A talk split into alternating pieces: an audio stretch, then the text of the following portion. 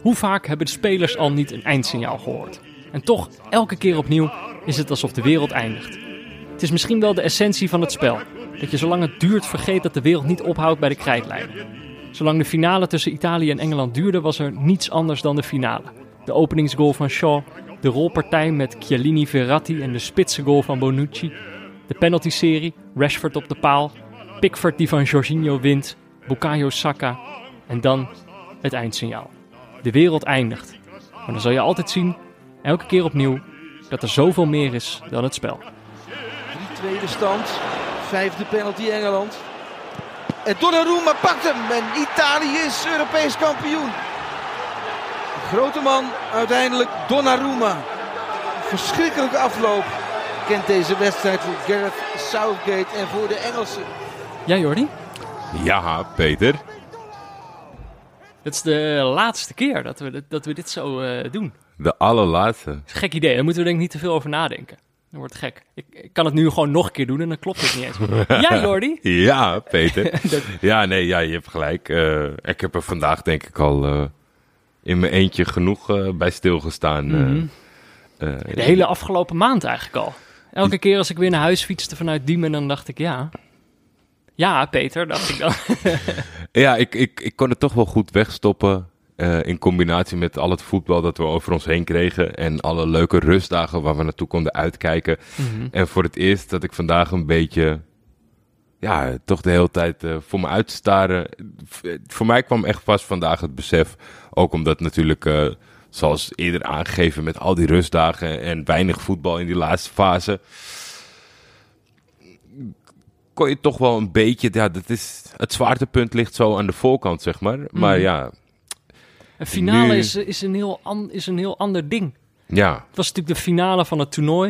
Het is ook de finale van deze podcast op dit moment.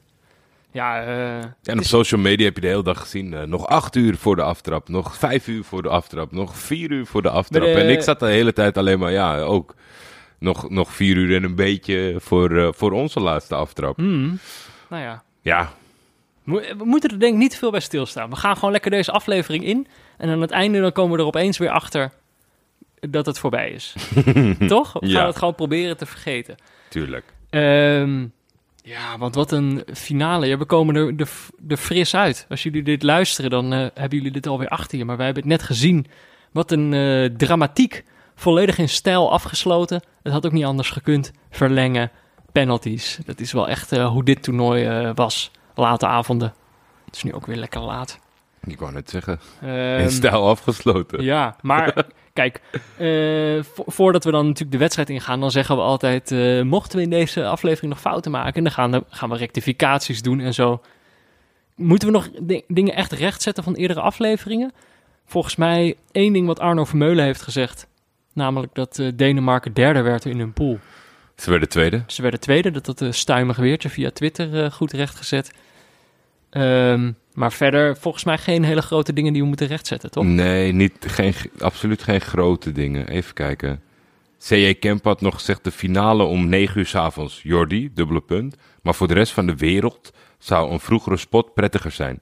Opmerking houdt onvoldoende rekening met de neutrale kijker. De meeste neutrale kijker, naar alle waarschijnlijkheid wonen deze tijdens het EK buiten Europa en verhoudingsgewijs meer in Azië, zullen er niet veel blijer van worden als we de finale een uur vroeg gespeeld zou worden. Namelijk, dan is het drie, vier uur s'nachts daar. Dus ja, eh, het was wel eh, dus met, die- met een knipoog en ga zo door. Maar tuurlijk, ja, als je, als je Europa buiten beschouwing laat, waar de meesten niet neutraal zullen zijn, ja, dan is het niet het beste tijdstip misschien. Ehm, maar kijk, het is ook een beetje dat ik denk... Het maakt in deze aflevering natuurlijk ook gewoon geen hol meer uit. Als we Nee, nu iets fout zeggen, ja, eh, deal with it.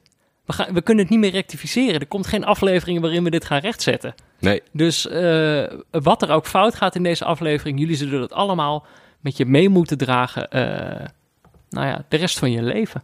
Het is niet anders.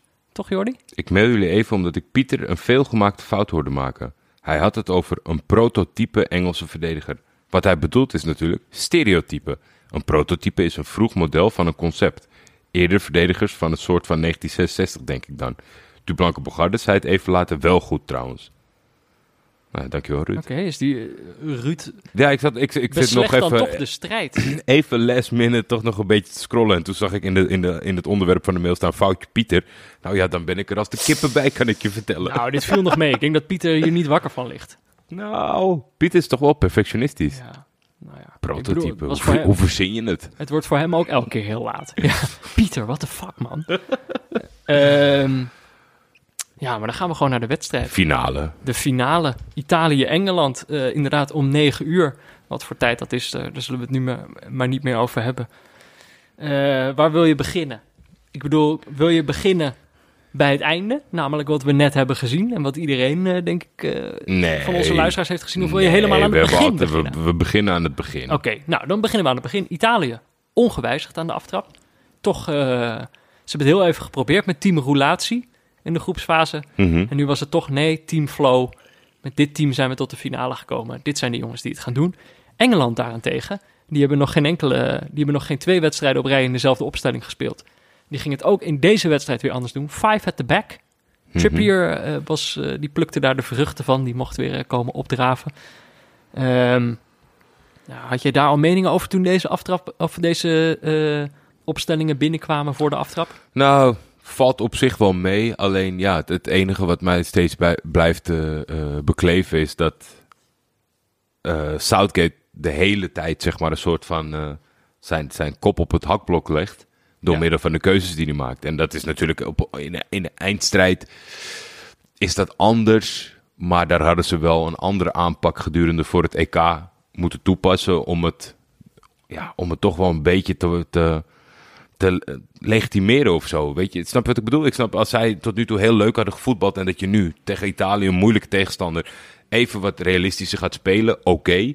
Maar zij hebben tegen alles en iedereen realistisch gespeeld. Ja. En dus wist je weer van tevoren, er is maar één uitkomstmogelijkheid die eh, eh, geaccepteerd zal worden. En dat merkte ik ook heel erg rondom de wedstrijd. En toen de opstelling Je naar bedoelt- buiten kwam. Je bedoelt, het enige wat geaccepteerd kan worden is als ze winnen. Ja, Want precies. anders dan krijgt hij de kritiek dat hij het niet geprobeerd heeft. Ja, en, en dat is ook gewoon wat iedereen... eh, en dat, dat is logisch als je eenmaal de finale bereikt... dat iedereen zoiets had van, wat een kutopstelling. Maar ja, eh, Garrett weet vast wel wat hij doet. Ja. Want dat heeft hij tot nu ja, toe hij laten staat wel zien. in de finale, dan mag je er geen kritiek op hebben. Nee, ja, dat, en dat was eigenlijk het, het punt waar hij op beland was. En Ja. Ja, heel snel in de wedstrijd eh, kon hij al een soort van eh, een lange neus trekken naar alles en iedereen. Want ja, het is precies die Trippier die voor de aanvallende impuls eh, was op zo, ja, toch een, een, een, een voorzichtigere keus. Die gaf de assist op Luke Shaw. Ja, Die wat lekker, lekker binnenschoot. heerlijk. Ik denk, je kan hem gewoon eigenlijk niet beter raken. Ja, misschien wat hij nu doet, nou raakt hij hem heel kort na de stuit, geloof ik. En dan in zijn schot laat hij hem ook meteen nog een keer stuiten. En dan gaat die bal binnenkant paal binnen. Het zou denk ik alleen mooier zijn als je hem rechtstreeks uit de lucht in het dak van het doel jaagt of in de kruising of zo. Maar dit was ook wel echt Ja, het blijft, een, het blijft een opening op een linksback.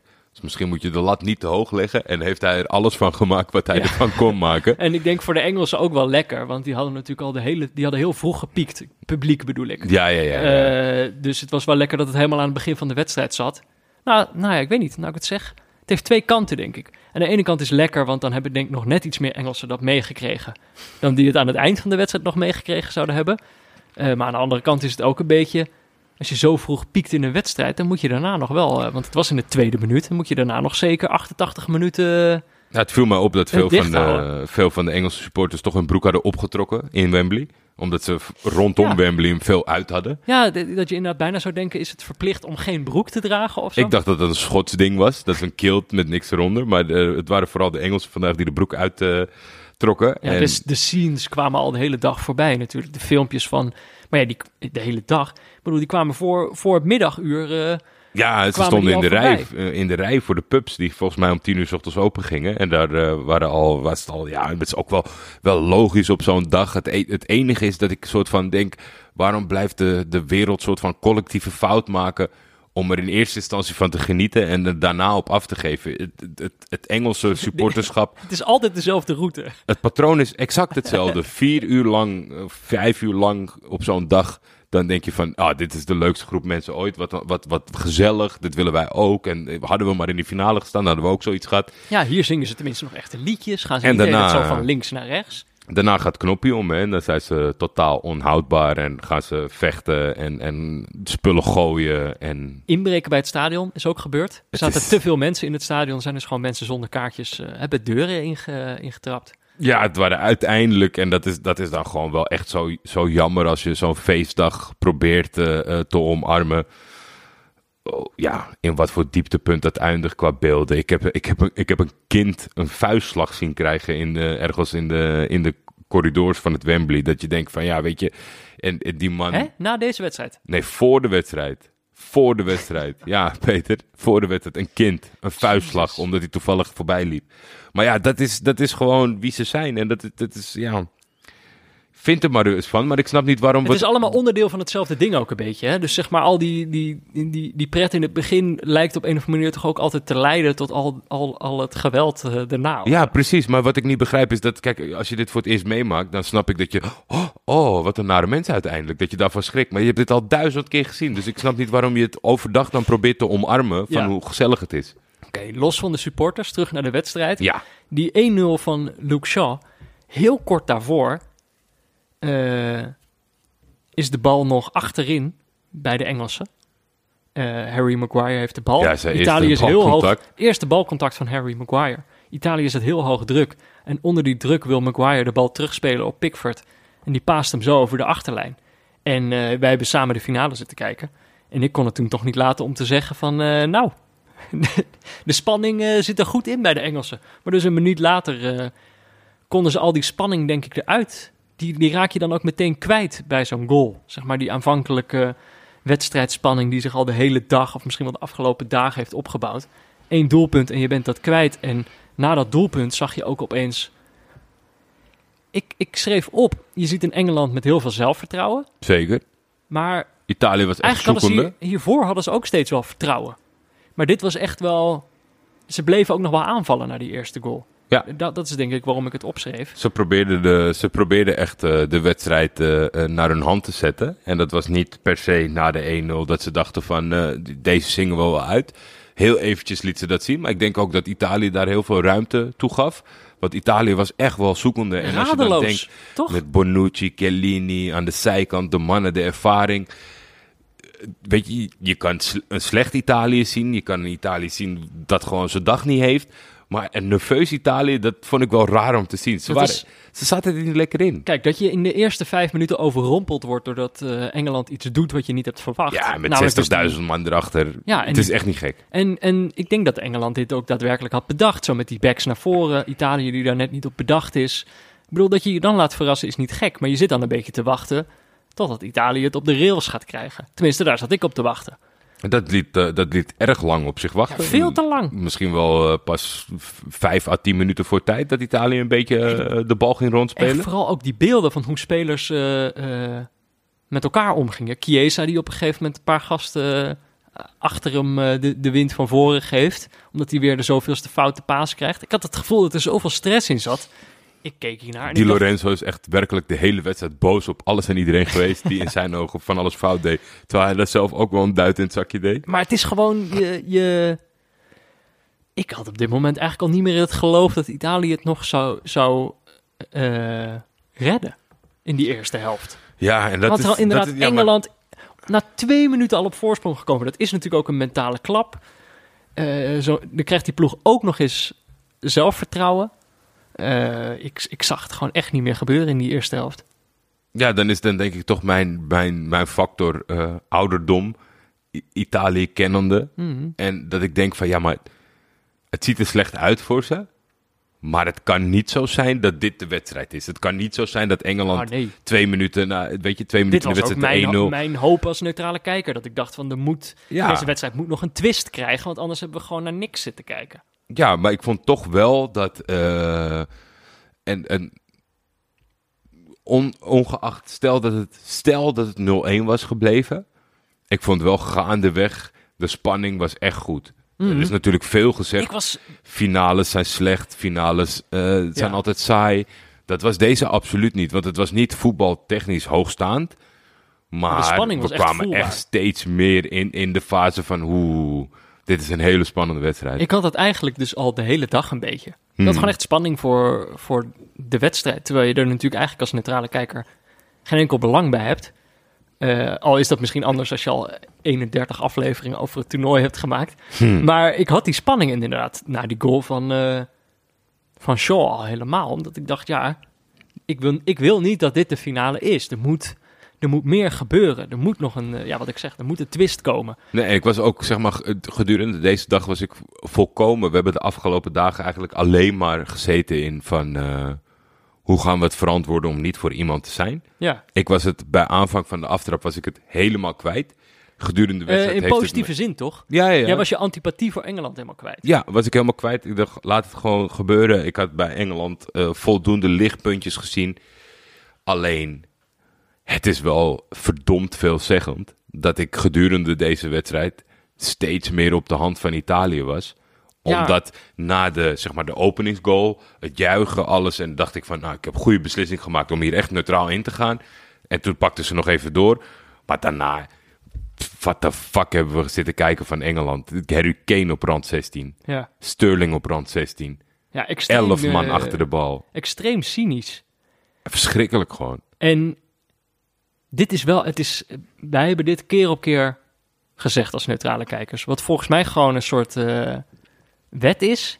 Als je die beslissing eenmaal maakt om verdedigend te gaan staan, het lukt heel weinig ploegen om daar weer van terug te komen. Ja, Dus in- Stel dat Italië het zou lukken in deze wedstrijd om de 1-1 te maken. Om dan weer om te schakelen en wel weer te gaan aanvallen. En dan de controle over die wedstrijd weer te grijpen.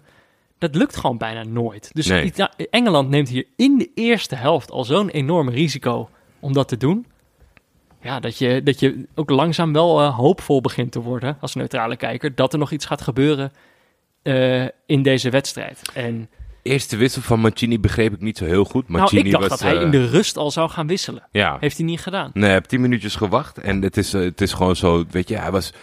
Hij zat zo in die wedstrijd. Volgens mij had hij helemaal niet door eh, wat er om hem heen gebeurde. Hij zat echt helemaal in zijn eigen wedstrijd. Je zag hem ook echt, waarvan eigenlijk ervaren trainers al weten... Dat kan niet. Dat hij de hele tijd aan het coachen was. En Ja, hij kwam denk ik niet eens boven het geluid twee uit. handjes langs de mond. Om dan toch nog top of his lungs te gaan lopen schreeuwen. Ja. Zijn eerste wissel was Bar- eh, Barella voor Cristante. Mm. Dacht ik, hmm, Andersom, hè? Cristante kwam erin voor ja, Barella natuurlijk. ja ook, ook zo. En, eh, en, en, en eigenlijk meteen daarop haalde die Immobile eruit. En dan kwam Berardi erin. wij vroegen ons toch ook af... Wat kan, je, wat kan je eigenlijk? Wat kan hij eigenlijk? Kan hij aanvallender wisselen? Doordat Italië natuurlijk al best wel aanvallend begint. Ja, Bij Engeland zit er een hele hoop. Dan kan je allerlei variaties kiezen om de wedstrijd nog om te het, draaien. het, het grootste probleem, los nog van dat ik denk dat de bank niet heel sterk is van Italië, is het vooral dat hij, wat jij zegt, hij staat natuurlijk al met een redelijk aanvallend team. Dus je kan eigenlijk niet zeggen van ik haal een middenvelder eraf voor een aanvaller. Of ik haal een verdediger eraf voor een Ja. aanvaller, want het wordt too much. En je kan niet bij maar 1-0. Dus dan wordt het eigenlijk wat hij veel dit, dit toernooi heeft gedaan, poppetjes voor poppetjes wisselen. Ja, maar ik had wel het gevoel dat, dat die Cristante iets veranderde. Toch? Ja, Terwijl ik niet weet wat voor voetballer dat is. positieve verrassing wat dat betreft. Maar ik, ik snap. Ik, ik moet wel zeggen dat Italië wel een paar spelers had die echt onzichtbaar waren. Immobile die eraf gaat dan voor Berardi. En dan hoop je dat Berardi met zijn eh, eh, ja, onconventionele aanpak een soort van voor iets kan zorgen. Immobile was onzichtbaar. Barella was ook weinig in het spel. Dus hij heeft wel echt gekozen voor degene die eh, niet lekker in de wedstrijd zaten om die te wisselen. Maar ik denk, ja, wat, wat, kan de, wat kan de wissel nou, nou echt inbrengen? Ja, hij, heeft, hij, hij zal iets gedaan hebben. Maar ik denk uiteindelijk onze echte redding was natuurlijk in de 66ste minuut. Het voelde ook echt zo. Ja, Eh, het zat er een beetje aan te komen. Er, er zat, kwam iets van opportunisme in bij Italië met die wissels. Eh Insigne op een gegeven moment al uit een heel rare hoek dan schieten. En dat je denkt, ja, die zo'n bal gaat er natuurlijk nooit in. Maar je hebt wel het gevoel van, er, er, ze gaan iets proberen. Ze komen toch af en toe door die verdediging heen. mijn tiro Giro was weer niet scherp. Nee. Vanaf de vrije trap niet en vanaf, eh, vanaf het eh, speelveld niet.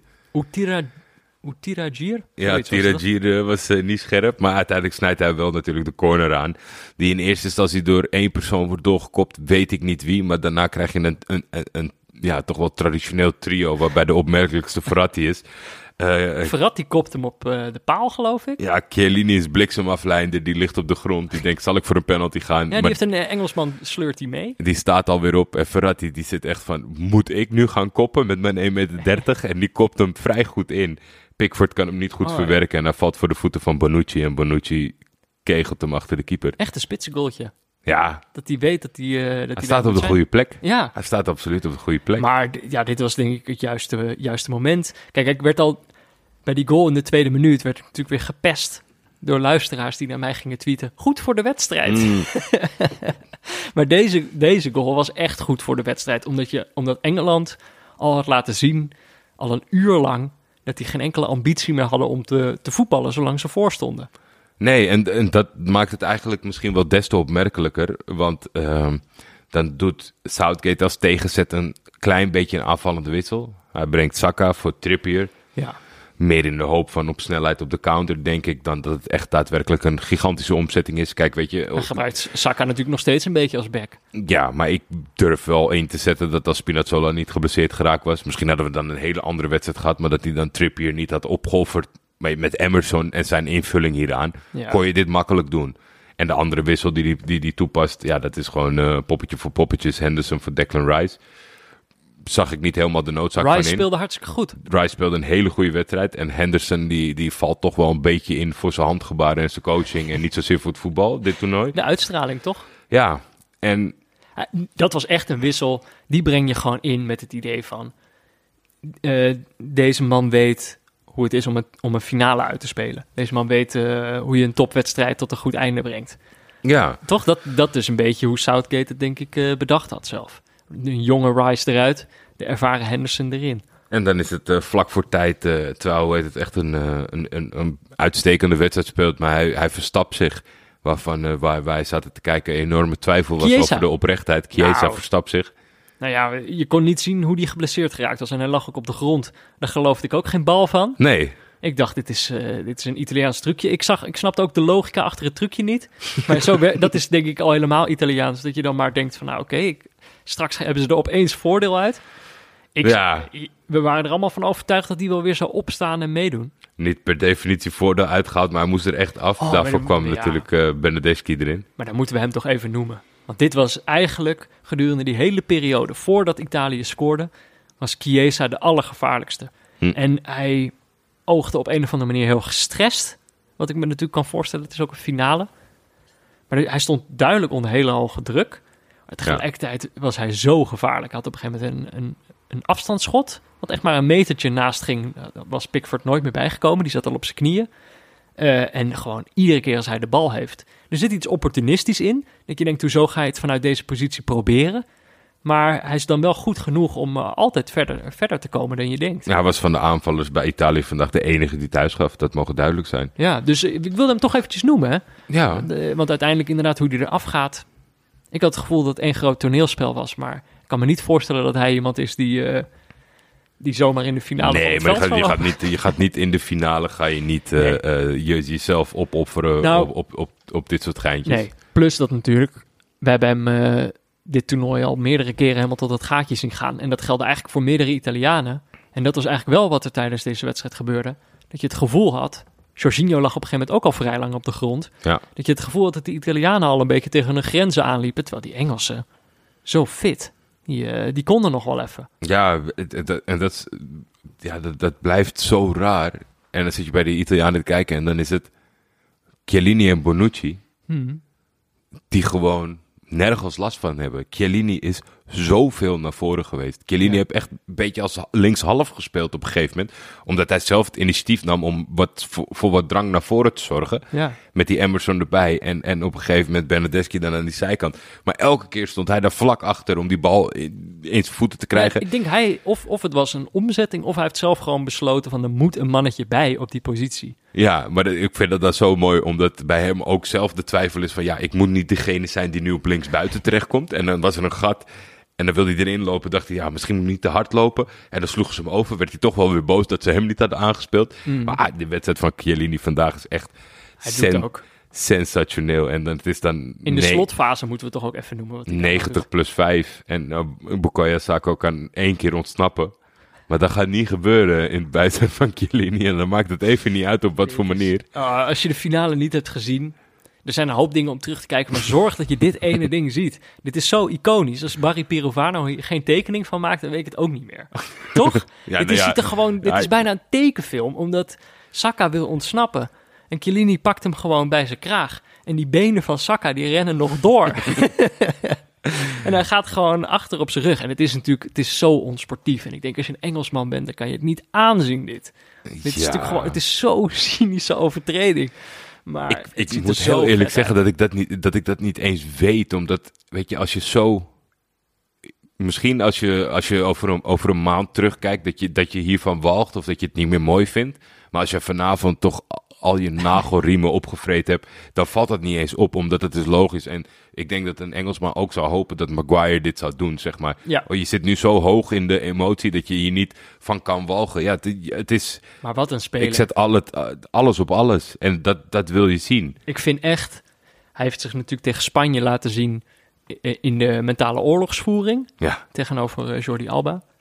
Maar hier heeft hij zich op zoveel verschillende manieren laten zien. Hoor. Dus inderdaad, naar voren te lopen eh, als centrale verdediger. eh, en door gewoon op het beslissende moment in de slotfase dit te durven. Toch? Want je kan ook denk ik laten hem lopen. Ik, wil, ik bedoel, het is uiteindelijk gewoon ook een kwestie van eh, zeker verdedigen, denk ik. Een kwestie van in een sp- split second de juiste beslissing maken. ja. En dat, dat kan hij. En wil ik nog één ander dingetje noemen. Dat zat op een gegeven moment in de 93ste minuut vlak daarvoor. Bonucci nog een heel link balletje zomaar terugkopt op eh Donnarumma. Holy shit. Dat je dat ook durft. Nou ja, dat zegt denk ik wel veel over dat centrale duo. Ja, Deze en over de afstemming en over het vertrouwen in elkaar. Omdat, ja, we, zeiden niet eh, dat dat je aan de andere kant niet moeten doen. Ik zei dit, als je dit bij Pickford doet, dit doet niemand bij Pickford, toch? Nee, omdat dan je hart in je keel zit en het waarschijnlijk fout afloopt. Maar ja, Ja, eh, ondanks dat het eh Raffel van de Vaart heel slecht uitkwam, eh, gingen we verlengen. ik zag hem voor de wedstrijd zeggen. toen vroegen ze aan hem, wat hoop je dat het wordt, Rafael van der Vaart? En dan zegt hij, ja, als het maar geen verlengen wordt.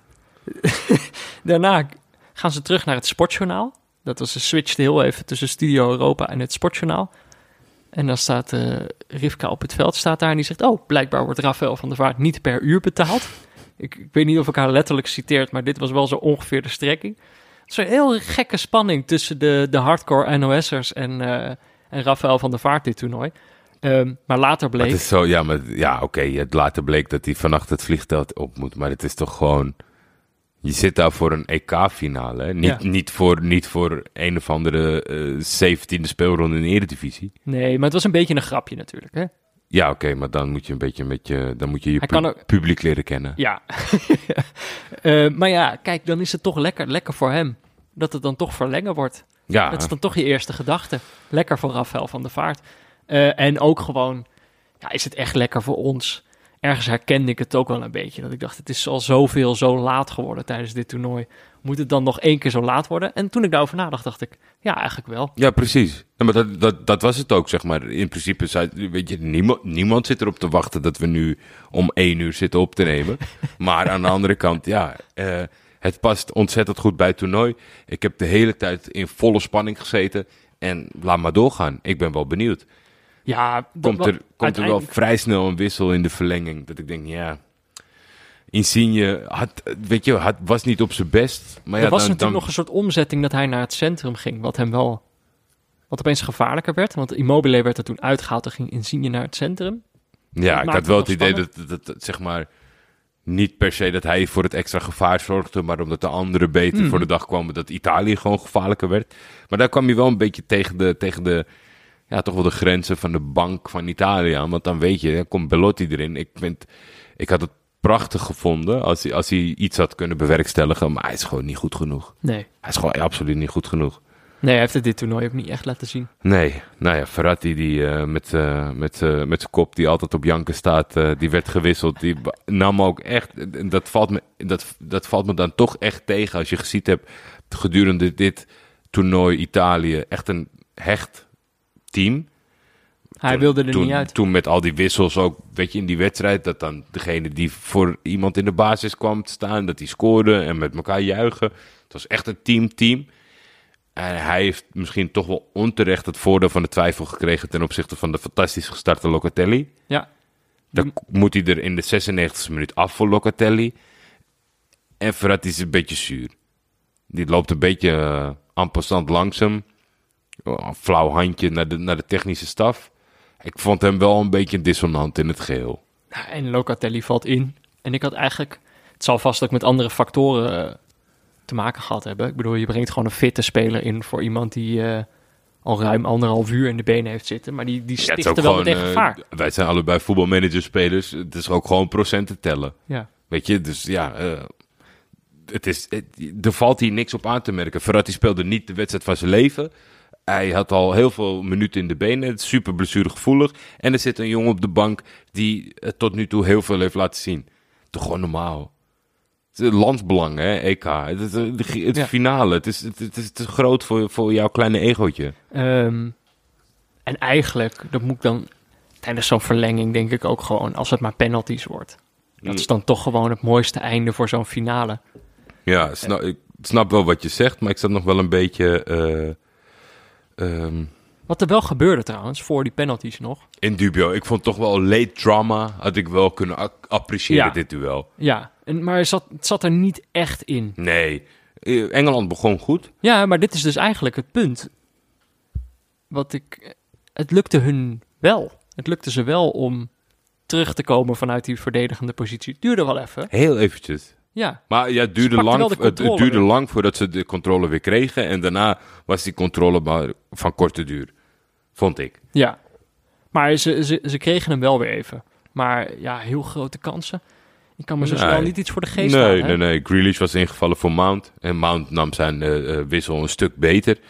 Eh, dan was het eventjes, eventjes gevaarlijk. Het was natuurlijk een beetje nieuw. Grealish was een paar keer in een goede individuele actie. Dat ik dacht van, oeh, jij bent echt op zoek, Ja, op zoek naar je eigen schot. Had het dan maar gedaan. Want dan zie je toch dat hij te, te veel wil dienen. Weet je, dat hij hem ja. dan toch aflegt op Sterling of wat dan Ja. ook. En, en dat had hij misschien... Gewoon... Weet je, het is, het is de verlenging van een EK-finale. Ga gewoon voor je eigen succes. ik heb wel de hele, het hele toernooi natuurlijk gezocht naar de Elia-factor. Mhm. Welk team heeft de Elia-factor? Grealish is denk ik wel... Of had de winnaar kunnen zijn. Elia had zelf geschoten. Dat is denk ik misschien toch wel een beetje Ja, eh, de conclusie. ja hij, had toch wel, hij had toch wel een iets stabielere rol moeten hebben als zijnde invaller om, om echt die rol te kunnen omarmen ook. Ik denk dat we hem niet heel veel kwalijk kunnen nemen met die gekke wissel in het vorige duel. En, en het, ja, weet je, hij komt er nu in in de honderdste minuut. Het is ook wel, hoe kleiner je de, kan, de ruimte Ja. biedt aan zo'n speler, hoe moeilijker het wordt om daadwerkelijk in te vullen. Eh, nog één ander mooi moment. In de rust van de verlenging komt het... eh, heeft dat liedje nou Ja. in onze playlist gestaan? Nee, ik ja, denk het niet. jawel, maar daar, daar ben ik op gerectificeerd, want ik heb, hem- ik heb hem nooit echt geüpload. Oh, Hij was er wel. Freed from Desire. Van Gala, ja, dat was, dat was magisch. Dat zijn prachtige beelden. Dat kan, ik, ik kan me niet voorstellen dat je... Immuun is misschien het verkeer- verkeerde woord in, in de tijd. tijd. Maar gewoon, je, je, als je dat ziet, het is toch gewoon vet. En vooral Ja, daar valt niet tegenop te vaccineren, wil je zeggen. Ehm, nou ja, maar nee. Ik denk niet dat je immuun kan worden voor dat liedje. Het is uiteindelijk zo'n... Wat er ook goed aan is, is dat ze, dat het niet, dat ze niet een Engels liedje opzetten op dat moment. Want je zag zowel de Italiaanse supporters als de Engelse supporters Ja, gebroederlijk. ik weet, ik weet niet of dat het plan van, eh, of dat het grotere plan was van UEFA. Ik, ik denk dat ze misschien wel een soort van. eh, Oh, dat de Engelsen dachten nou dat ja, ik denk dat ze toevallig, eh, dat ze toevallig er zijn mee weggekomen. Maar het is toch zo mooi dat er zijn een paar liederen in het voetbal die de rivaliteit van het moment overstijgen. Want dat, dat Will Greg on Fire. Je kan, niet, je kan er niet op stil blijven staan. En het, het was zo een mooi moment om de spanning te breken. Want je zit zo hoog in die spanning van die wedstrijd. Mhm. En dan is er eigenlijk alleen maar even een drinkpauze. En dan knallen ze dat nummer erin. En zelfs thuis op de bank, kippenvel. Je ziet die Italianen springen, je ziet die Engelsen springen.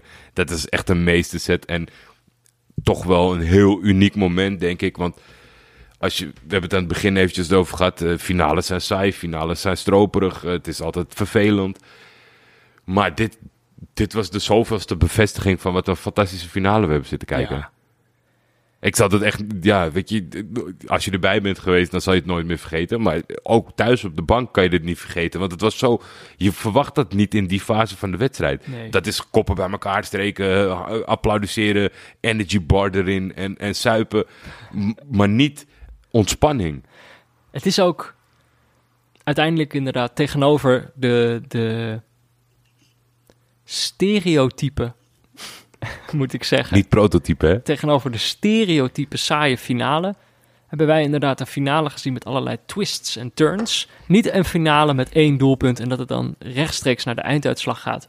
Maar het, heeft echt, eh, het, het ging beide kanten op. En in dat opzicht is gewoon penalties de beste uitkomst. Omdat je kon van tevoren niet zeggen of een van de twee ploegen het meer had verdiend. Toch? Eigenlijk niet, als ik er nu over nadenk. Nee, eh, nee, zeker niet. Ik, het was nog wel even, even zoekende of de, de laatste wisselmogelijkheden toegepast kunnen worden van. Garrett Southgate. Nou, en, die en natuurlijk die van Mancini. Stond één belangrijk ding op het spel. Brengt hij de derde keeper nog? Want dan heeft zijn hele selectie gespeeld. En hij had er vijf wissels had hij gemaakt. En in de verlenging liet hij ze heel lang staan. Toen dacht ik, hij zit gewoon te wachten. Nee, waarschijnlijk heeft hij het moment ook zo lang uitgesteld. Dat hij dacht, mochten we er per ongeluk twee maken in de verlenging... dan breng ik mijn derde keeper in. Maar uiteindelijk toch Ja, zesde wisseltje opgebruikt. En dan weet je, het gaat hem niet lukken. En dan wordt Meret, Alex Meret wordt toch gewoon zijn, eh, zijn aardsvijand nu natuurlijk. ja zeker. Want dat, Die ja, wordt over, over 30 jaar bondscoach en dan zegt hij... ja, toen ik mee mocht naar het EK... heeft Mancini mij nooit laten spelen. En dat zal ik nooit vergeten.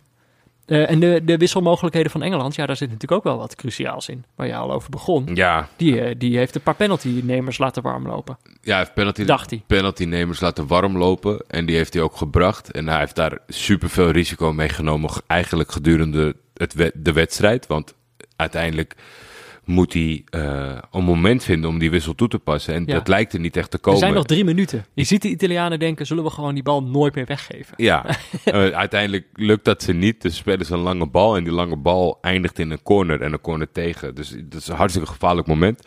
Even goed kiest Southgate ervoor om eh, toch door te zetten. Omdat hij ook wel weet dat na die corner waarschijnlijk er, het zou het kunnen dat er geen wisselmoment meer komt.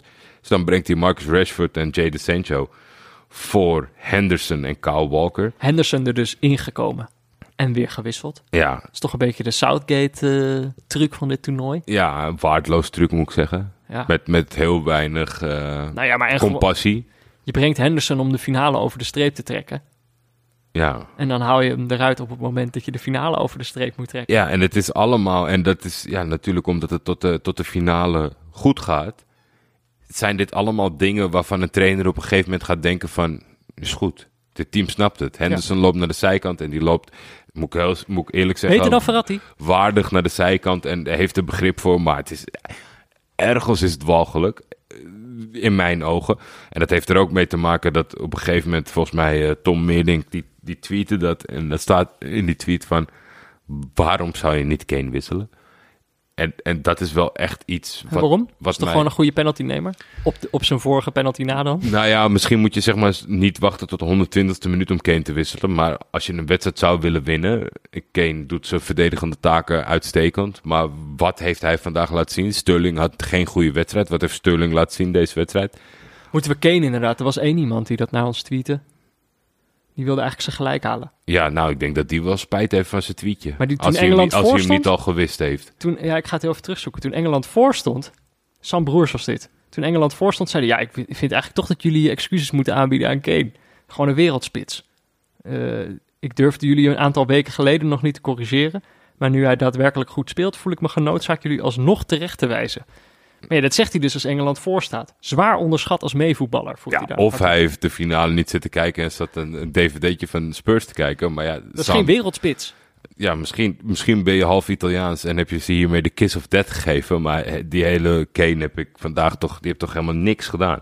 En Hij heeft uitstekend werk verricht als nummer 6. dat, ja, ja, nee, absoluut. De beste verdedigende middenvelder vandaag op het veld. Maar ja, dat is nog zoveel zeggend. Maar ook gewoon, eh, ik, ik, ik hou niet van dat, zeker niet in de to toernooivorm, van dat oneindige vertrouwen terwijl het onterecht is, zeg maar. Er is gewoon in de wedstrijd zat aanleiding om hem te wisselen. Want ook iemand anders die je de kans zou bieden, zou minimaal zijn taken Maar wat denk kunnen je, wassen. eh, Calvert-Lewin bijvoorbeeld? Ja, of Rashford. Gewoon wat eh, ballen, ja, Maar je kan toch, je kan, je moet, je- allebei. er is toch nooit zeg maar een soort van iemand die je maar laat staan om het laat staan op het moment dat het er niet Ja. uitkomt. Maar hij zat gewoon te wachten. Hij wilde twee wissels vlak voor de penalty-serie. Ja, en Eh, ik, eh, Rashford en Sancho. ja, ja, eh, normaal moet je heel dramatisch zeggen, God is mijn getuige, maar jij zat naast me op de bank. Dus dan kan ik gewoon eerlijk zeggen, ik hou er niet van, dat zei ik al. Ik, Nee. ik, ik hou niet van het principe van invallen. Kijk, weet je, wat je waar je dat mee kan doen? Met Mihailovic. Iemand van, van achter in de 30 die een, een hele vaste trap heeft, die daarvoor kan invallen. Mhm. Maar je kan niet zomaar alles en iedereen invallen om in een fucking EK-finale even koud in het veld achter zo'n penalty te gaan staan. Maar Ja. ja, daar moeten we het zo Maar- meteen over hebben, want anders verklap ik de clue al. Want er zijn natuurlijk luisteraars die geen idee hebben hoe deze wedstrijd is geëindigd. Eh, ja, en penalties zijn natuurlijk ook gewoon een loterij. Dus Nou ja, eh, kijk, dus dat, hij dat- kan doen wat hij wil, Southgate. Maar ja, het is gewoon een loterij. en daarmee is natuurlijk mijn hele verhaal valt in het water. Want ik had even niet, eh, geen rekening gehouden met het feit dat het inderdaad een eh, concept is van de Nederlandse Maar- loterij. dit, is, dit, dit heb ik van jou geleerd. En ik weet niet of ik, of ik de kunst zelf beheers. Maar ik denk wel dat hier kan je indruk mee maken als je voetbal kijkt met, met vrienden. Wat jij doet bij penalty series is gezichten kijken. Ja. En Ja. dat is gewoon, jij kijkt naar een gezicht. En maar waar kijk je dan precies naar? Want jij kan gewoon naar een gezicht kijken en zeggen, ja, dit wordt hem niet. Bijvoorbeeld Berardi, de eerste Italiaan die gaat staan. Jij twijfelde er geen seconde aan. Je zag zijn hoofd en je dacht, Ja, maar Berard die, die loopt naar zo'n bal toe. En daar zie je van dat het hem geen reet interesseert wat hij nu gaat doen. En hij is gek. ja, precies. Hij is echt gek. En, maar dat is, dat, ja, gedurende 90, 90 minuten kan dat heel verraderlijk zijn en moeilijk in te schatten zijn. Maar met zo'n ding is, weet je, het zijn allemaal profvoetballers die op een heel hoog podium, dus die, die kunnen het allemaal. Het gaat er alleen om, met zo'n loterij, eh, hoe zit je er mentaal in? Ja. Ja, toch wel. Uiteindelijk Oh, wel. Absoluut. Als we En je ergens ziet- hebben gezien, is het in deze serie. Je ziet het aan, aan hem dat het maakt hem niet zoveel uit. Hij weet wat hij gaat doen, hij gaat ervoor en dat gaat hij uitvoeren. En dan kan, soms heb je het mis omdat het gewoon slecht genomen is. Maar ja, hij, gaat, hij gaat niet twijfelen. We hebben ook heel veel twijfel gezien in deze Maar ik penalty-reeks. denk wat het misschien ook is. Misschien dat hij intern wel twijfel heeft. Maar het gaat natuurlijk ook gewoon om uitstraling. Je loopt naar die bal toe. Op het moment dat jij naar die keeper uitstraalt van... joh, gast, ik schiet die bal er toch wel in. Dat is Ja, natuurlijk voor keeper ook niet lekker. maar dat is, dat is ja, dan, dan, dan moet je waarschijnlijk na je actieve carrière ja, richting het toneel gaan. Want dat, dat vind ik e- e- even Ja, goed jij respect voor je hoor. niet kan acteren. Maar deze, ik, nee, ik denk niet dat hij iets speelde. Het, het, het boeit hem Nou. niet. Hij is ook iemand die een halve omhaal probeert terwijl ze gelijk staan. Hè? Het boeit Ja. hem gewoon niet. Joker brain. Hij heeft Ja. joker brain. Ja, zeker. Eh, maar hij knalde die bal dus ook, eh, ook raak.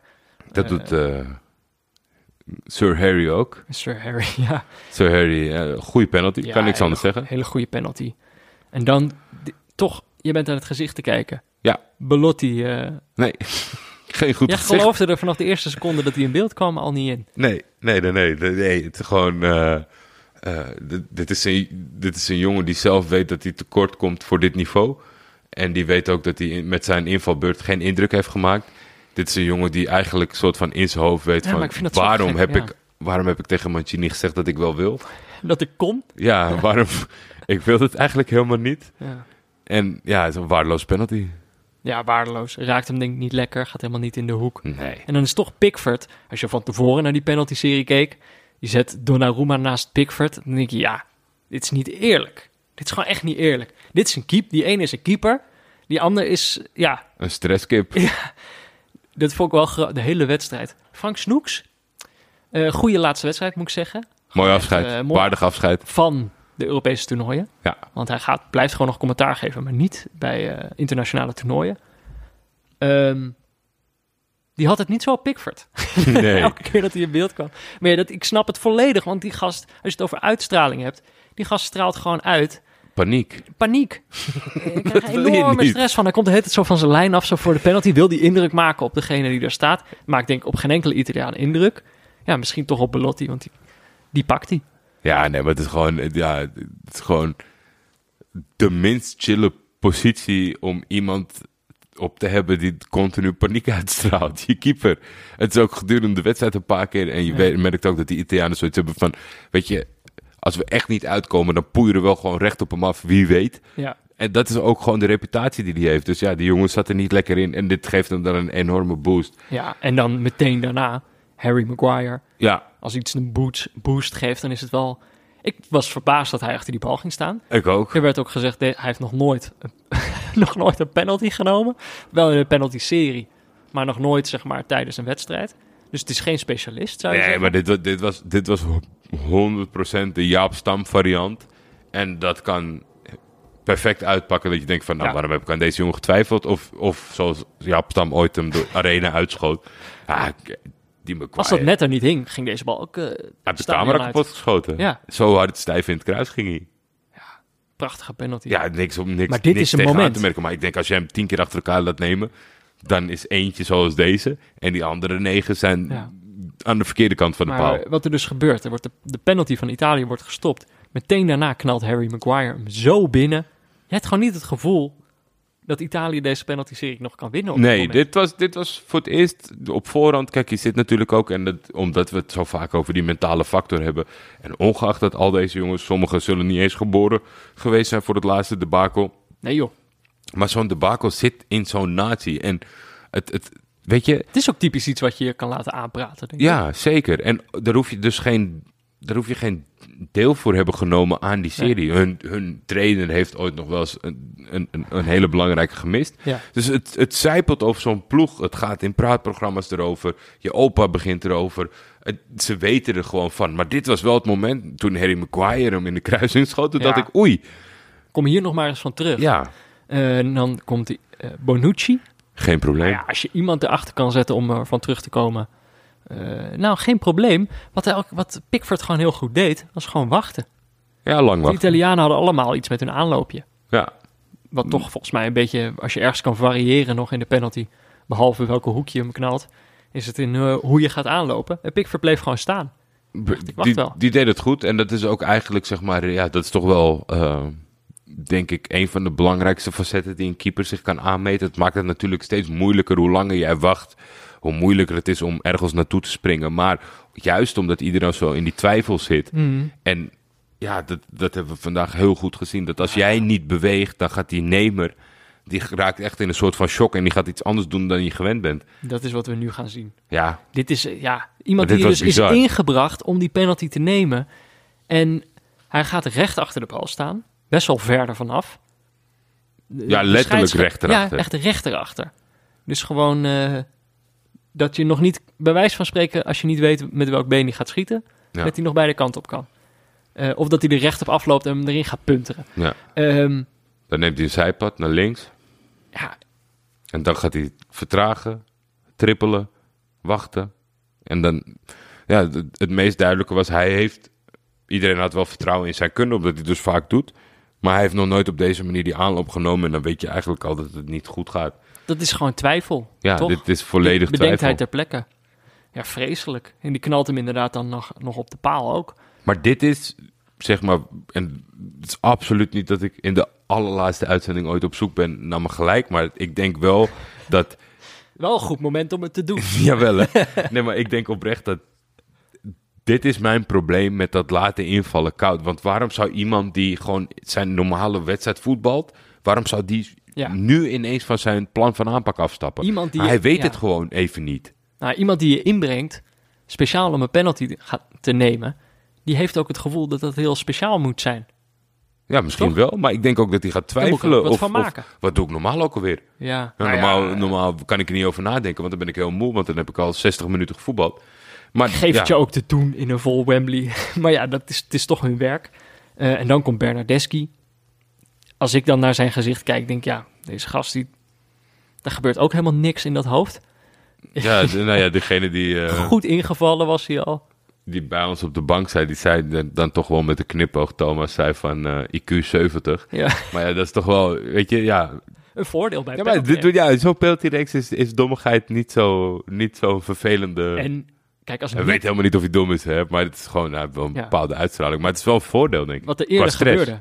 Belotti mist. Maguire schiet in de kruising. Nu heb je Rashford mist. En dan doet Bernardeschi, schiet die bal gewoon door het midden. Ja, Nou, daar moet je ook lef voor hebben. onder de voeten van, eh, van dan, de eh, weggesprongen Pickford. Dan gaat opeens zeg maar, de mentale balans weer in het voordeel zeg maar, een belangrijke slag in de mentale oorlogsvoering voor, eh, voor Italië. En dan Sancho Ja, ook dan je een, ingebracht om het te doen. Een nog minder ervaren jongen.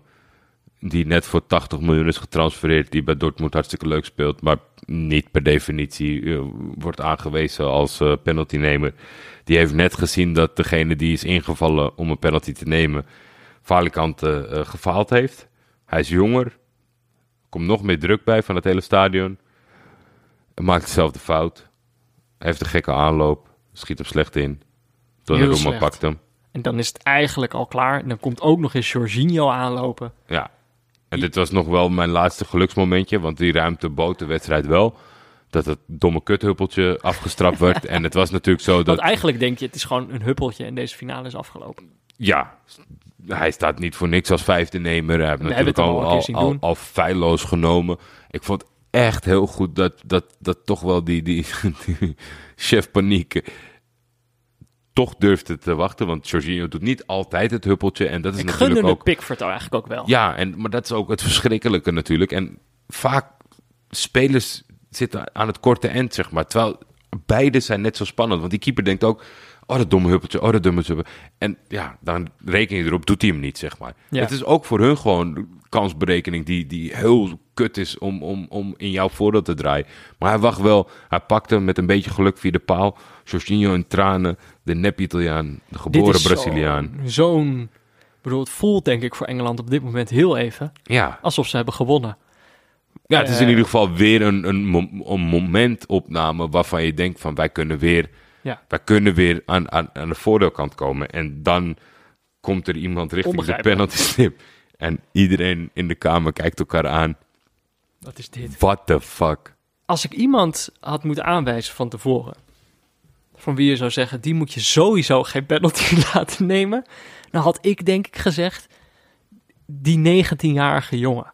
Ja, ik snap, ik, ja, Peter, ik weet, ik weet oprecht niet wat, wat, wat moet ik erover zeggen.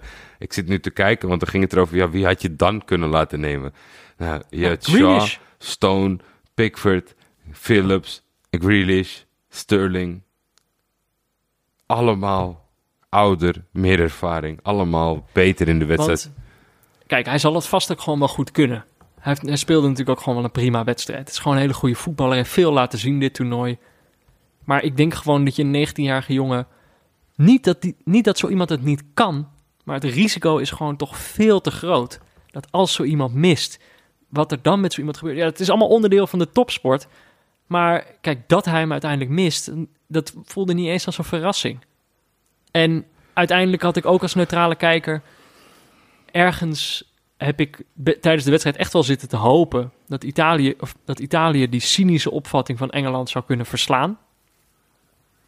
Maar op deze manier, dat dan een 19-jarige jongen de, de mist in moet gaan, ja, dat vond ik gewoon heel sneu. Dat vind ik gewoon heel verdrietig. Dan denk Ja, ik, Jesus, die kan gewoon, die kan gewoon echt nachten niet slapen. Ja, ik kan ik weet niet hoe lang wel niet.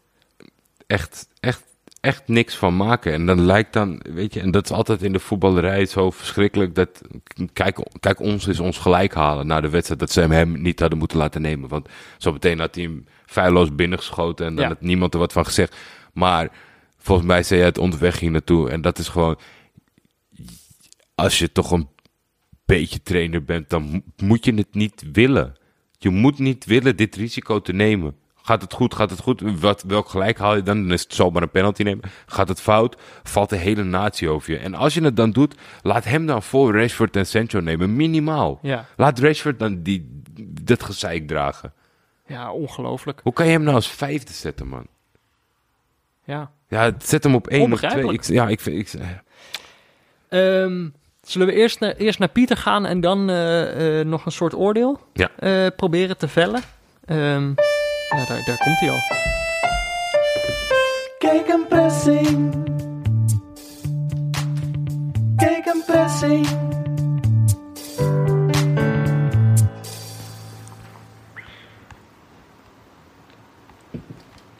Roberto Mancini is een goede trainer.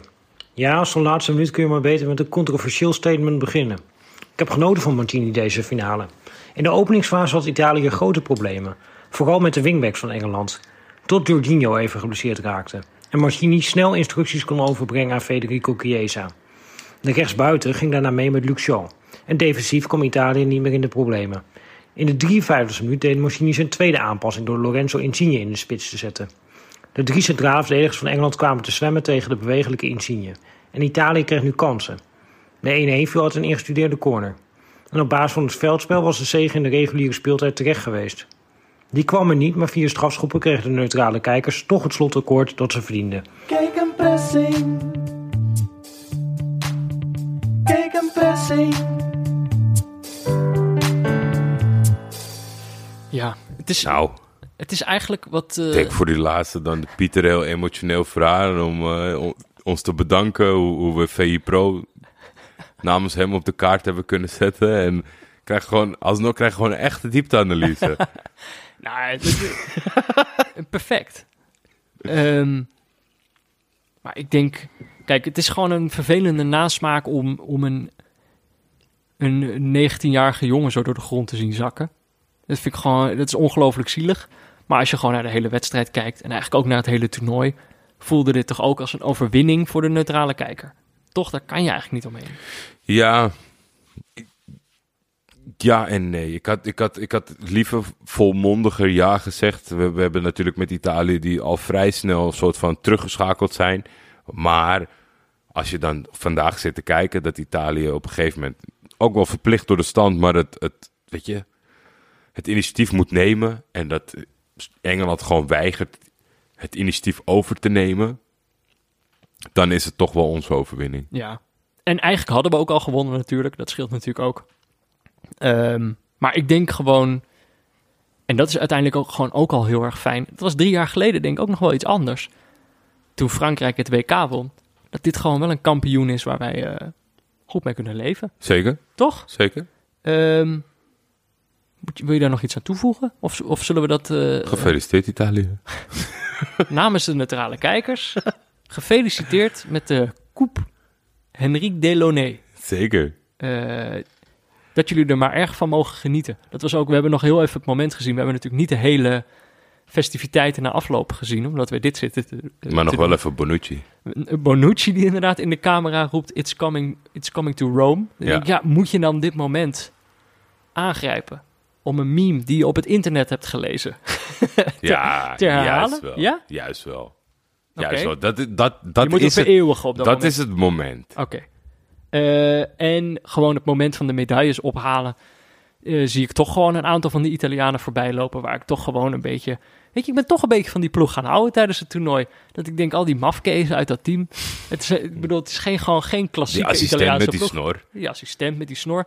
Eh, de Rossi. Die ook- de Rossi die ineens eh, in de huddle zat. heeft niemand ons verteld. Die is ook, eh, die is ook assistent.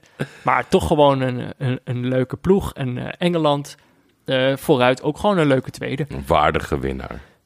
Italië, zeker. Dus gefeliciteerd. En nou ja. We moeten nog natuurlijk wat dingetjes zeggen. We moeten nog wat mensen bedanken, et cetera. Maar eerst even een berichtje van onze sponsor.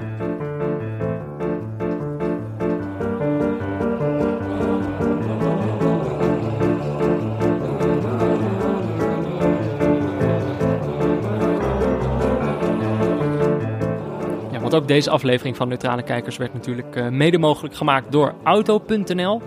Eh, Auto.nl heeft deze zomer het perfecte autorijnummer laten maken door eh, Tim Knol. Maar de Neutrale Kijkers zat dit toernooi natuurlijk vooral thuis op de bank voetbal te kijken.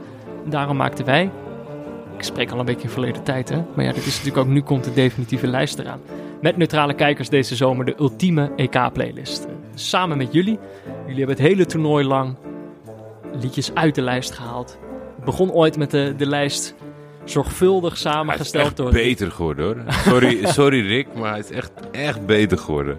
Zorgvuldig samengesteld door, eh, door Rick Kroef. Ik heb nog her en der wel eens een steekje laten vallen. Dat mensen zeiden van die moet erin, die moet eruit. En dan de volgende ochtend eh was ik met mijn hoofd heel erg anders. Dus eh Ja, het, het, is, het is je vergeven. hoor. dankjewel. Maar ik ben benieuwd naar de eindstand. Want ik, ik echt niet gelogen. Ik heb deze lijst vaak aangezet. Ik vond het gewoon lekker op korte stukjes fietsen. Even, even gewoon die, die krakers. Maar op een gegeven moment, ja, als Fortja er dan wordt uitgehaald en dat soort dingen. Dan Ging ik wel nummers missen. Nou, Enrique Iglesias is bij mij gewoon eigenlijk nooit helemaal meer je hebt het in week 1 al afgehaakt. Maar dit was natuurlijk... eh, de, de luisteraars waren koning. Ja. Eh, wij konden daar niks aan doen. En eh, ja, dan moeten we nu... er zijn heel veel mails gekomen. Ja, benieuwd wat er als laatste uitgaat. Ik denk toch niet dat Three Lions er terug in komt. Eh, nee, ik denk het niet, maar je weet het niet. Er zijn natuurlijk gewoon... Kijk, een hoop luisteraars hebben het geprobeerd. Eh, ik heb maar gewoon willekeurig eentje eruit gekozen. Ja. Was ook wel leuk. Dit was iemand die had een eh, audiobericht ingestuurd. Oh, daar heb je altijd streepje voor.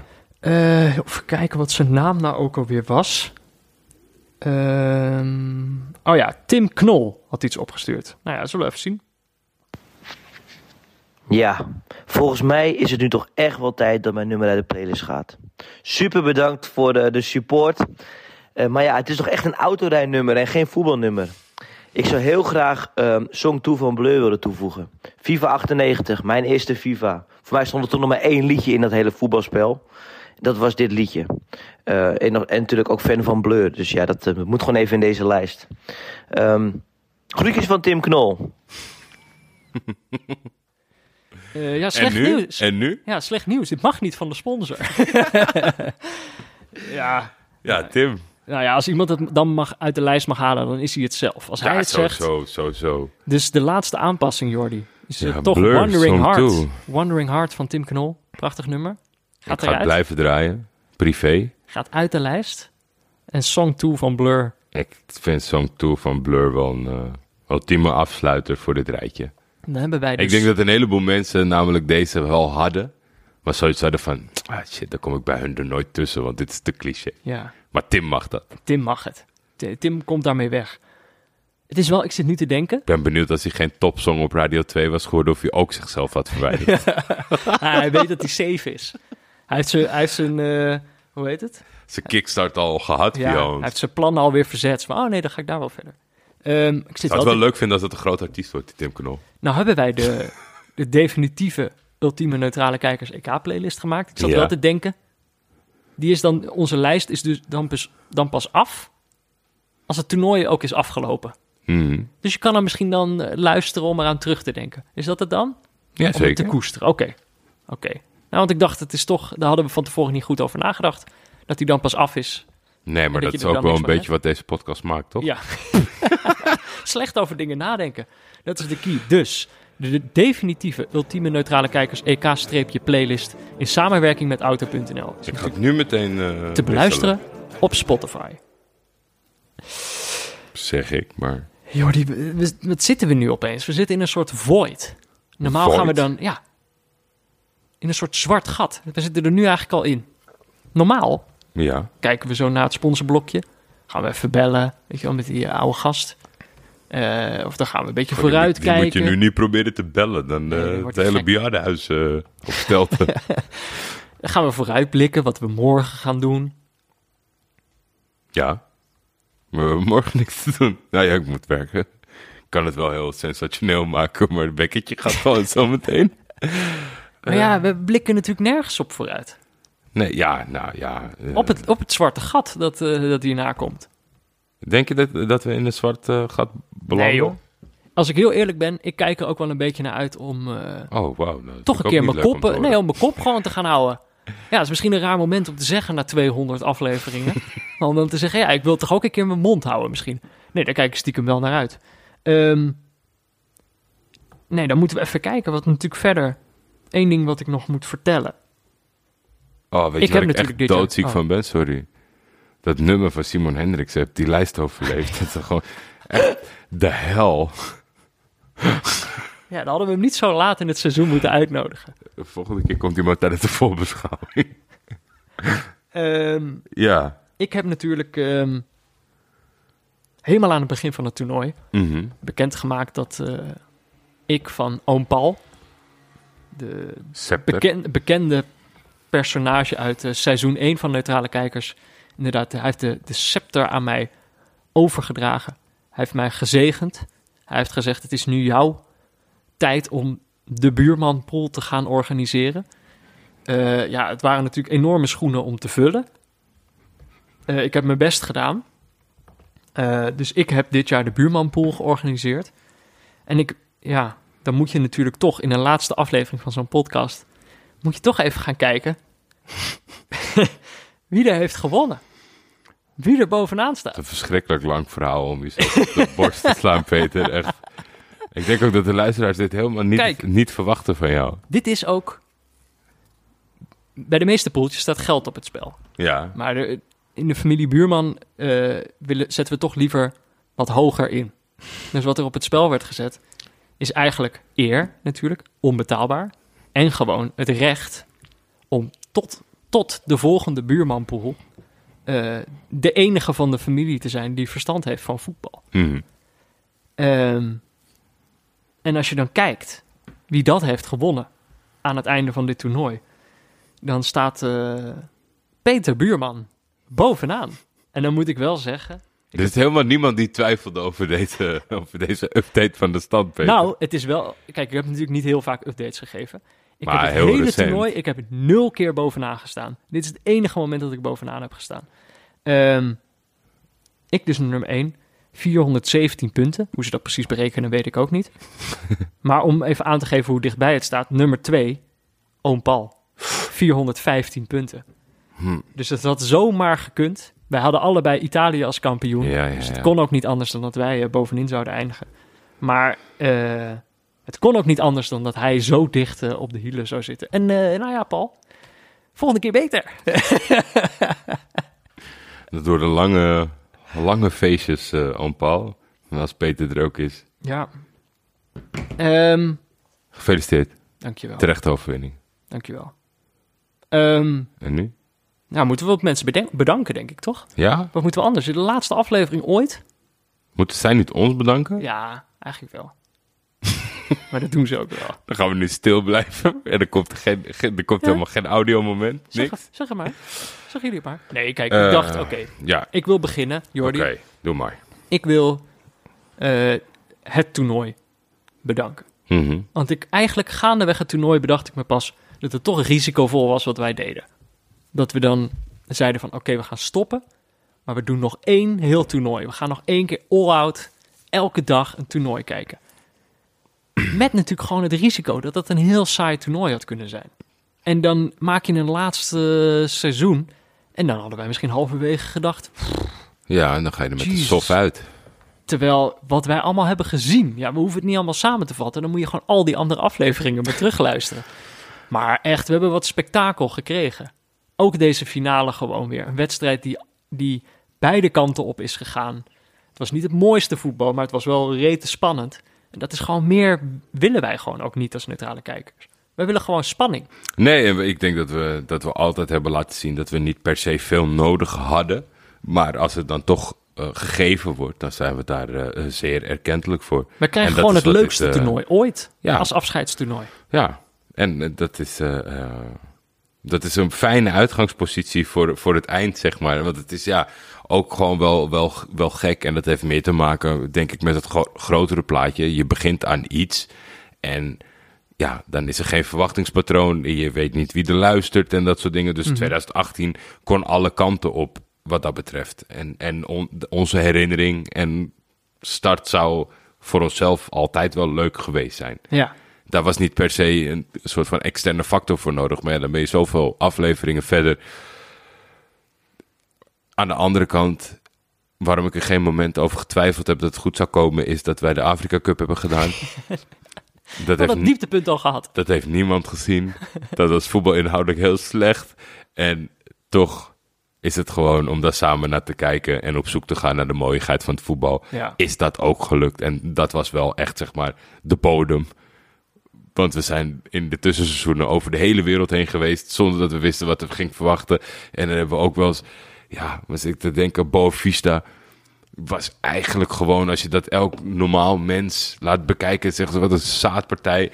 Weet je, je hebt, Ja. je hebt de bodem al te vaak meegemaakt. om je daar zorgen om te maken. Ja. Maar dat het zo'n leuk toernooi zou worden. dat wist ik natuurlijk ook En niet. dat is ook, het leuke is dan, doordat je al die bagger al gezien hebt, ben je gewoon ook extra dankbaar ja, voor elke uitspatting die je krijgt. En dan is dit gewoon wel veel meer dan we, dan we verdienden misschien wel. nou, Een dat, prachtig toernooi. Dat denk ik niet. Ik En denk dus- dat het precies is wat we verdienen.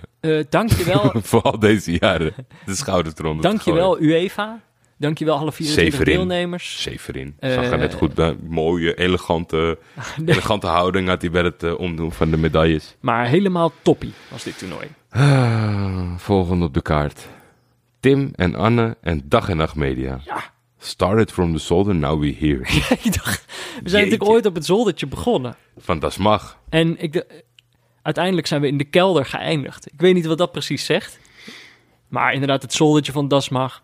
Eh, maar ook dat, dat klein, piepkleine kantoortje waar Tim en Anne dan met hun laptopjes eh, eh, zaten. Waar wij dan eh langskwamen om Ik denk dat het fysiek niet mogelijk is om nu alle medewerkers van Dag en Nacht Media in dat hok te krijgen. Nee, dat denk ik ook niet. Ik denk ook, dan krijg je echt problemen met, qua maatregelen en zo.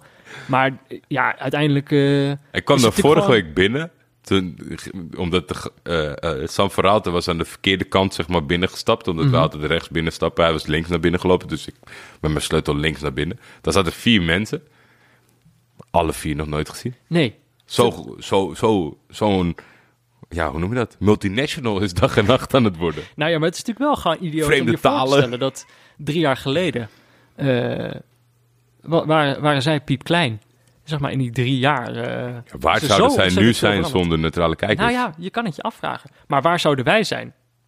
Zonder dag en nacht media. Want zij hebben ons natuurlijk in het begin, helemaal aan het begin, toen er geen enkele reden was om in ons te geloven. Geloofden zij toch in ons, Jordi. Ja, dat is waar. Dus eh, is waar. Tim en Anne, hartelijk, eh, hartelijk dank daarvoor. En iedereen van dag en nacht in de afgelopen jaren heeft geholpen. Om Vooral deze, Bob. vooral Bob natuurlijk. Bob, want die heeft format van het begin. Nee. nee, Bob is wel gewoon, dat is altijd mijn, mijn man Dat is gebleven. een OG. Ja, zeker weten. Nee, eh, ab- absoluut. eh, Tim, Anne, bedankt voor het vertrouwen. Ik bedoel, toen gaven ze ons het Aan vertrouwen. de andere en kant, nu- wij kwamen ruim op tijd met een hele goede pitch. Nee, echt vlak voor dat toernooi. Zij hebben ons gewoon wel ontzettend goed geholpen. Ook nu weer zitten wij met die microfoons en die apparaten die we allemaal via hun hebben, Gekregen. hebben gekregen. En eh, die we ook niet terug hoeven te geven, toch, volgens mij? Eh, nee, maar dat is, dat is echt geweldig. Kijk, drie jaar geleden eh, hebben ze het vertrouwen aan ons geschonken. En daardoor kunnen zij nu ook het vertrouwen geven aan nieuwe opkomende talenten. Zoals Paul de bijvoorbeeld Leeuw. Paul de Leeuw. Ja. Ehm dankjewel. Verder, Pieter Zwart moeten wij natuurlijk bedanken. Die was ook vanaf het allereerste uur, was die jongen erbij. Ik houd het in de gaten. Het mag niet langer duren dan een minuut, hè? Dit Oh, dit, bedank je. Ja. Nou, het- uiteindelijk volgens mij de eerste keer dat wij samen een biertje dronken om te bedenken... wat gaan we nou eigenlijk doen in die podcast... bedachten wij volgens mij één minuut diepteanalyse van Pieter Zwart. Zou echt grappig zijn dat hij dan maar een minuutje krijgt. En dat toen eigenlijk de en- enige obstakel was van... ja, waarom zou Pieter dat in godsnaam willen? Ja. was geen enkel probleem. dat wilde hij en hij heeft het gewoon eh, volgehouden tot de laatste snik. Echt niet normaal. Altijd aanwezig. Fantastisch eh, onderdeel. Weet je wat het is? Kijk, ja, het is... eh, hij is niet zo succesvol als zijn naamgenoot van Coolblue, maar hij is wel echt gewoon up Ja. and coming. Nou, dat serieus. Als je daar ook over nadenkt. Hij is in de tussentijd gewoon hoofdredacteur geworden van VI. Ja, Dat is toch ook gestoord? en dan zeiden die mensen van, ja, maar je moet wel, eh, je, moet wel je focus hierop. En dan zei hij altijd, ik vind alles goed, ik Neutrale ben altijd bereikbaar, maar dat minuutje voor neutrale kijkers blijf ik maken. nou, zaten ze weer bij VI. Nou, ja, ja. Nee, ja, dat is eh, eh, toch wel, ja, hij heeft ons al die jaren gelegd, eh, hoe noem je dat? Gelegitimeerd. Ja, Dat iedereen dacht van, waar hebben deze twee gasten het over? Dan kwam er een minuutje doorheen en dacht Hallo. nou, tering, dit is voetbal inhoudelijk goed. ja. Dan viel er op de rest, het gemiddelde trok je ontzettend omhoog. Heel erg bedankt daarvoor, Pieter. Echt Ja, top. Ik blijf eh, ook nog wel even Uiteindelijk- abonnee, VPro. Ja, nog even. Ik heb dat al die tijd gedaan, omdat, weet je, het is nu met het internet tijdperk, dan gaat iemand mij opzoeken of hacken en dan zegt ze, ja, hij is helemaal geen abonnee. Dus ik ben al die tijd het wel geweest. Nog iemand die er vanaf de, vanaf de eerste seconde bij was, is natuurlijk Barry Pirovano. Ja, Hij maakte de eerste tekeningen. ja. eh, en hij maakte ook de laatste tekeningen. Hij heeft tijdens dit seizoen heeft hij eh, voor, tering veel tekeningen gemaakt. voor iedere aflevering tekende hij twee nieuwe shirtjes. Eh, je kan ze allemaal terugzien. We hebben ook een mooi gifje waar ze allemaal in staan. Die zullen we morgen nog even posten Ja. op, op Twitter. Dus die zie je vanzelf daar wel verschijnen. Ja, Barry, uiteindelijk, kijk, wat het ook gewoon is. Dit zijn allemaal mensen die... Dit zijn niet, zeg maar, eh, mensen die eh, toen het al een beetje liep op de trein zijn gestapt. Weet je wel? Nee, Het zijn nee, allemaal nee, mensen nee. die de trein in elkaar hebben gezet. Nee, ja, zeker weten. En ik heb natuurlijk vaak het contact onderhouden met, met Bar. Mhm. En ja, daar heb ik wel gewoon schitterende anekdotes ook altijd over. En, en daar hebben we het ook gewoon altijd nog steeds wel over. Dat ik gewoon met bizarre deadlines kwam. Omdat, weet je, het was ook niet zo, zeg maar... We zij- beginnen morgen. ja, dat was een beetje de context. Maar dat was ook zo dat, zeg maar, zij hebben geholpen aan deze trein bouwen. Maar terwijl zij zelf al Ja, ze hadden ook een Zij- eigen trein. ze waren er al, zeg maar. Dus dat was niet zo heel lekker om dat er tussendoor te krijgen. En dan het, het, het, het mooiste vind ik altijd dat ik soort van ging in paint. Dan ging ik een soort van situatie, situatieschets maken van het logo waar ik naar op zoek was. En, dat ik dan, en dan was hij altijd heel vriendelijk en dan tekende hij heel wat anders. En toen zei hij in alle vervolgende seizoenen zei hij van... eh, Ik hoef geen paint meer. maak jij maar iets, dan Oh. weet ik wat ik niet moet maken. ja, maar het was altijd zo van, eh, nou, waarschijnlijk komen we er wel weer aan. Hoor. Ja, joh, laat het even op tijd weten. En dan was het bij ons altijd een beetje rommelig. En zei ik, ja, we gaan toch door, over twee weken. Dit is... eh, ja, hij, maakt, dat hij is heeft toch natuurlijk gewoon, ook eh, voor, voor ons laatste shirt... Dat heeft hij ook weer gemaakt. Mm. En eh, de mensen die dat besteld hebben, krijgen dat allemaal nog op de mat. En dat voelt ook gewoon als een mooie, een mooi afscheidscadeau. Iemand die er helemaal aan het begin bij was. Maar de lat, de lat lag er ook gewoon, de lat heeft altijd hoog gelegen voor al dit soort eh, eh, personen en individuen. Dat geldt voor onze sponsors, maar ook de mensen die hebben meegewerkt. Want ja, weet je, stel, wij hadden het vertrouwen in Piro gelegd. En hij was helemaal afgegleden. Maar dan ben ik ben wel loyaal, zeg maar. Dus dan zaten we nu een soort van, oh, daar kijkt niemand meer naar om. Maar ja, hij Laat Piro nog maar Gewoon- wat tekenen. de grootste illustrator van Nederland.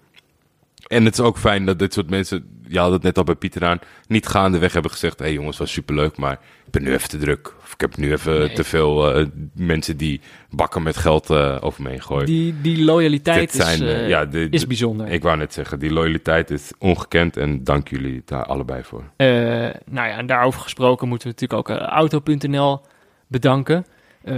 Ja, ik bedoel, het wordt, wordt inmiddels veel normaler dat podcasts worden gesponsord. Eh, terwijl eigenlijk drie jaar geleden was het natuurlijk niet Auto.nl, maar was het eh, op dat moment nog Kiks Kiks. die, eh, die ons gingen sponsoren. We waren heel vroeg in de... In Rest in peace, homies. Rest in peace. Het was een hele dure deal. Ja, sorry dat jullie jezelf hebben opgeblazen. Met Die het andere jongen had toch gelijk, had het in Facebook ads moeten stoppen. Maar eh, voor, voor, zeg maar voor auto.nl en ook voor, voor, voor Kiks geld. Het is natuurlijk gewoon een beetje een rare markt om je geld in te steken. Omdat het, eh, omdat het niet helemaal duidelijk is wat je ervoor terugkrijgt. Nee. En eh, wij zijn natuurlijk ook dan niet de makkelijkste podcast. Omdat wij niet echt iets kunnen garanderen of zo. Uiteindelijk gaat ook dit gewoon weer op, op loyaliteit. En dat hebben zij ons wel echt in grote mate gegeven. Ze hebben gewoon gezegd, ja, het maakt eigenlijk niet zoveel uit. Doe het maar. Ja, Wij geloven er wel in. En Auto.nl is natuurlijk al helemaal ook voortgekomen. Dat was, begon ook met een luisteraar. Ja, maar mocht, eh, ja, zeker. Martijn, Martijn die, eh, die schoot een DM'tje. Die is ook... Ik, eh, die is ook op, die is ook, die heeft ook een upgrade gehad. die is eh, boven Auto.nl uitgegroeid. En tegenwoordig hebben we hele goede verstandhouding met, eh, met veel. Maar het is een beetje, ja, weet je, misschien als ik een, zo tussen de, tussen de likes en de volgers kijk, misschien ben je iemand die ook podcast maakt of het ambieert of wat dan ook. En ik denk dan altijd, ga gewoon met dit verhaal nou, doe je zoektocht daar mee, zeg maar. Want het, het, het, vertroebelt een beetje de, de podcastwereld. Het, het gaat over hele verkeerde dingen en allemaal niet zulke interessante dingen. Zoek gewoon iemand die, die het tof vindt wat je doet en dat je het publiek een fijn gevoel kan geven en dat dat voldoende is. En geef een beetje vertrouwen aan de makers om iets te maken. Ja. In plaats van eh, En dat is een- gewoon een, bijzonder. Een, domme, een domme link op te lezen met een kortingscode. Ja. That's not the way to go. Maar, maar ja, waar vind je dat nou nog? Iemand eh, van een bedrijf die gewoon zegt, joh, ga het maar doen. Ja, maar dat is ook, dat is ook een beetje. En, maar dat is, dat is natuurlijk ook met, met, zeg maar, nu het wat mainstream wordt en met grote merken wat je niet kan doen.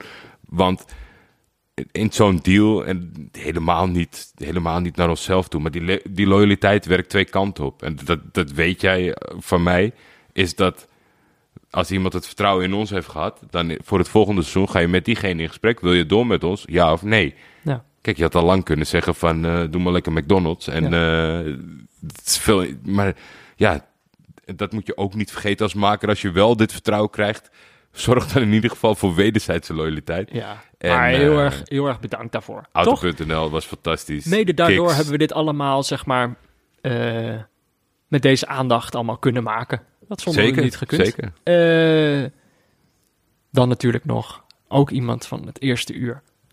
Sebel, Ja. beste notenbar van Amsterdam.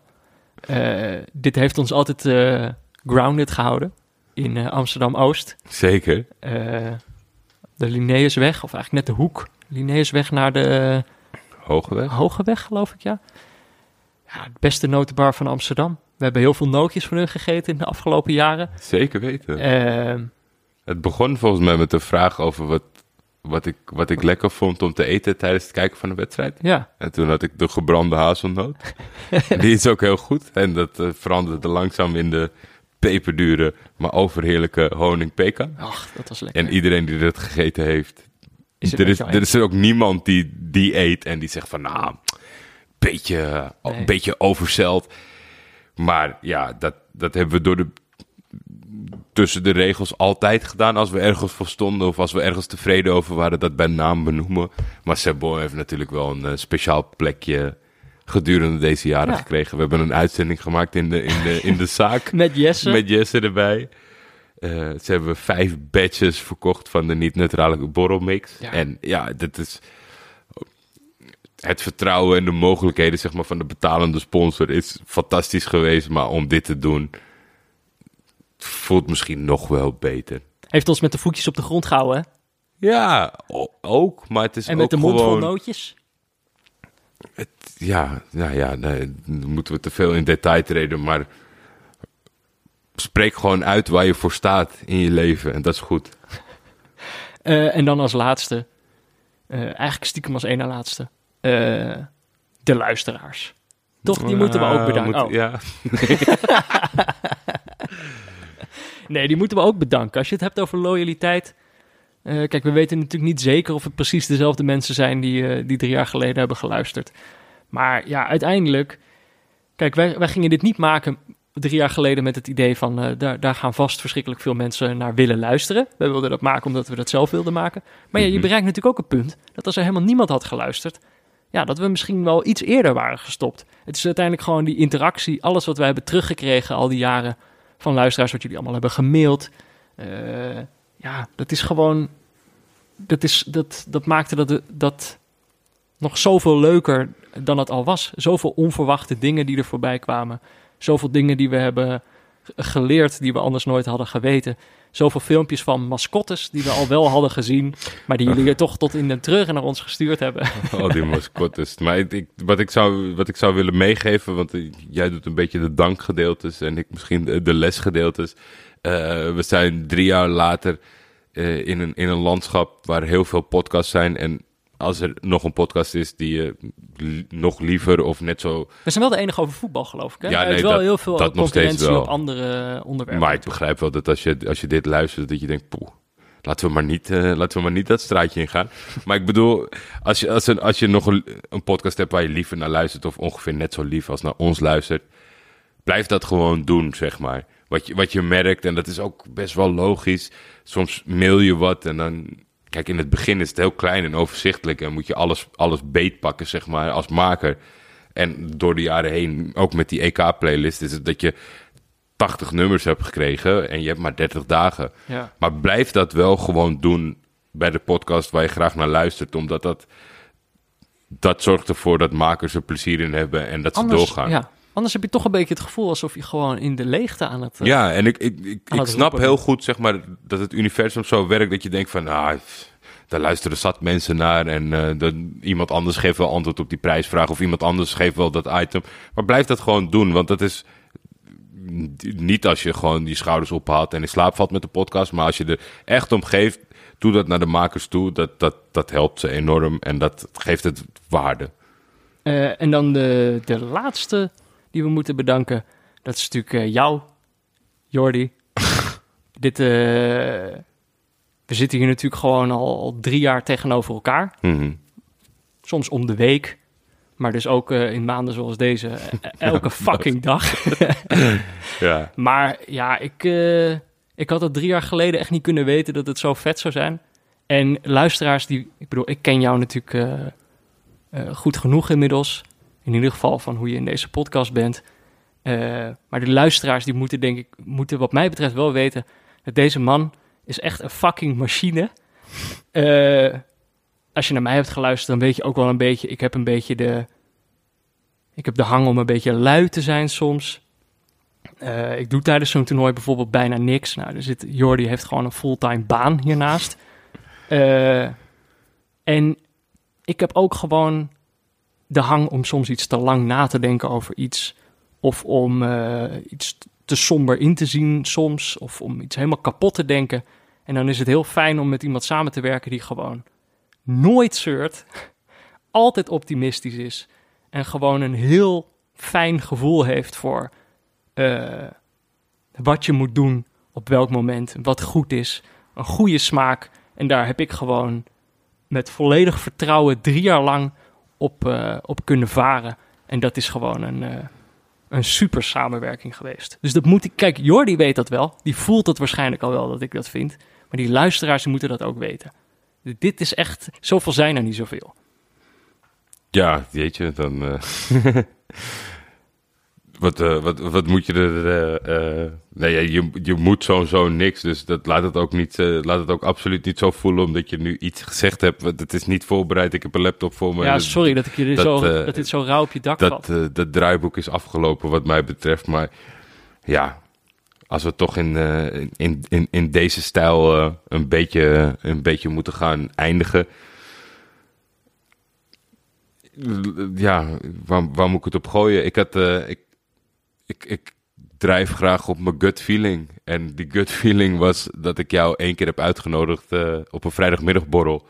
En daarna in het vervolg één keer heb uitgenodigd eh, eh, op een kerstborrel. Mhm. Twee keer borrel, borrel. En zo, volgens mij is er niet zo heel veel gesopen, maar hebben we het zo naar ons zin gehad dat toen ik dacht, ja, eigenlijk mijn lowest point ah, naderde, omdat ik naar iets uitkeek, maar dat dat, dat niet kon maken. En toen maar zelf op zoek ben gegaan, ja, toen heb ik jou benaderd, omdat ik, omdat ik wist dat er drie jaar later een fantastisch product zou staan. Om, om wie je bent en om waar je mij weg, vooral weg kan houden. Want zeg maar, als je het rijtje opnoemt van welke eigenschappen ik bezit, eh, heeft dat ook zeker een tegengeluid nodig. Een slim tegengeluid. En ja, het is, eh, het is, het is toch heel raar dat je met zo weinig, eh, zo weinig feeling van elkaar of kennis van elkaar dit allemaal gemaakt hebt. Dat zeggen we drie jaar geleden, toen we dus begonnen, in aflevering 1, kenden wij elkaar helemaal niet. Nee, dat is, maar ik weet dat is zo zeker. idioot. Ik denk dat als je nu gewoon iemand vraagt die dit seizoen ons heeft leren kennen, van weet je, luister alleen even de, de voorbeschouwing op het WK. Dat hij denkt van, hoe de fuck kan, kan dat, dat die twee elkaar toen niet kenden? En Ja. dat de vertrouwelingen om ons heen na, na 30 minuten zijn weggelopen van, oh, die twee redden het wel. Ja, Ja, en dat is. eh, daar, moet, daar moet ik je voor bedanken, Peter. Om, om mijn eigen gevoeltje waar te hebben gemaakt. En een zeer waardevolle vriend te zijn geworden. In, in goede, ah, bijna altijd goede. En in het laatste stukje in een beetje slechte tijden. Dus wat dat betreft. eh, ik ben wel klaar met, met, eh, met het haakje neutrale kijkers. Maar. ehm, het zou gek zijn als wij nooit meer, eh, nooit meer wat nooit zouden maken. als we elkaar nooit meer zouden zien. Ja. Dat zou wel gek zijn. Je ja. moet er nog wel één dingetje tussen fietsen. En ik denk dat jij dat misschien ook wel moet doen. De- al deze uren die hiervoor zijn gemaakt. Oh, ja, Die, die kunnen. eh, Moeten we nu als enkel- excuses aanbieden aan onze... ja, maar ja, die kunnen alleen maar bij goedkeuring van eh, zeer begripvolle partners in het Ja. leven. Absoluut. Ja, de kleine kan wel eh, niet begripvol zijn, maar die, ja, die heeft niet zoveel te zeggen. Maar ja, ik, ik, weet je, ik moet gewoon mijn werk, wat in een familiebedrijf, mijn ouders zijn, mijn vader en moeder en Lot en Fik enorm bedanken om nooit eh, in de weg te hebben gezeten. En eh, ja, dan mag ik ook gelijk jou, Julie, bedanken Ja. dat ze jou altijd eh, beschikbaar heeft gesteld. Julie, Julie is natuurlijk eigenlijk gewoon knettergek. Want drie jaar geleden, tijdens het WK, toen woonden wij net een maand samen. En toen ging ik een maand lang deze podcast eh, met jou maken. Met een relatief vreemde op een zolder zitten. Ik weet ook niet meer, ik zat terug te denken, hoe heb ik dat destijds aan haar uitgelegd? Ik denk dat ik toen gewoon gezegd heb dat je een vriend van me was, omdat het anders te lastig uit zou leggen. dat ze het anders niet had ik weet het ook niet, eigenlijk. Ehm, maar ja, dat ze dan nu drie jaar later ook, ook weer accepteert dat ik het gewoon weer een maand eh, inderdaad ga doen. Eh, dank aan mijn ouders, die echt eh, elke aflevering hebben geluisterd. ja. Wat een toppers. En ja, dank aan iedereen, ja, toch? zeker. En ik dacht wel, Jordi, Mhm. Als het toch zo authentiek wordt, dacht ik, dan moeten we straks misschien achter de paywall pas afscheid nemen van onze vrienden van de show. Zeker, heel slim, heel slim. Gewoon eh, dat Gewoon blijven teasen en verkopen tot de laatste snik. Gewoon nog betalen. We hebben de aankomende maanden hebben we geen inkomsten. Als je, Dit dit, zwart als, je, als, je, als je thuis zit te huilen nu, meteen naar je ideal lopen.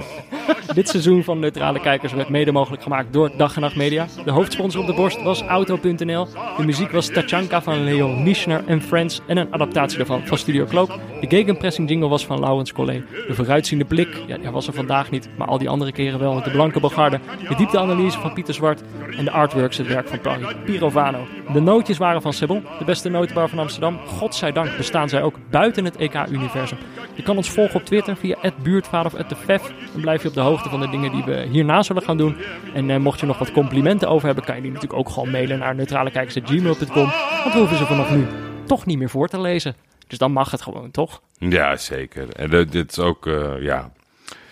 Omdat hij maar in één van de zes seizoenen zat, maar die Blanke Bogarde ook wel eh, bedankt dat je je nek hebt uitgestoken.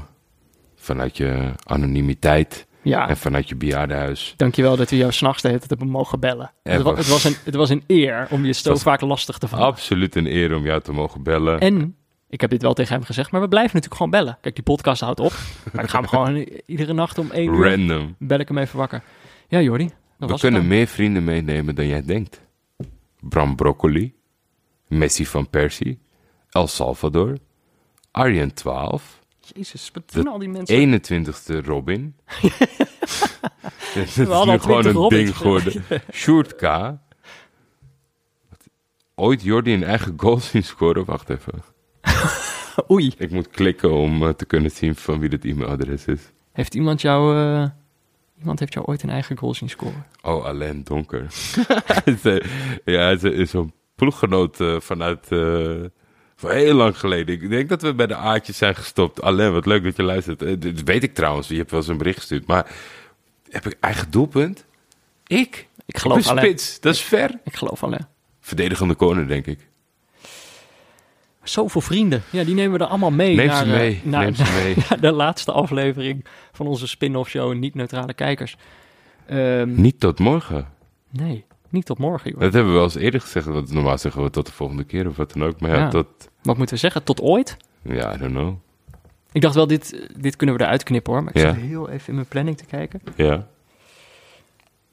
Heb je over drie jaar nog iets te doen? Is dat Duitsland? Geen idee.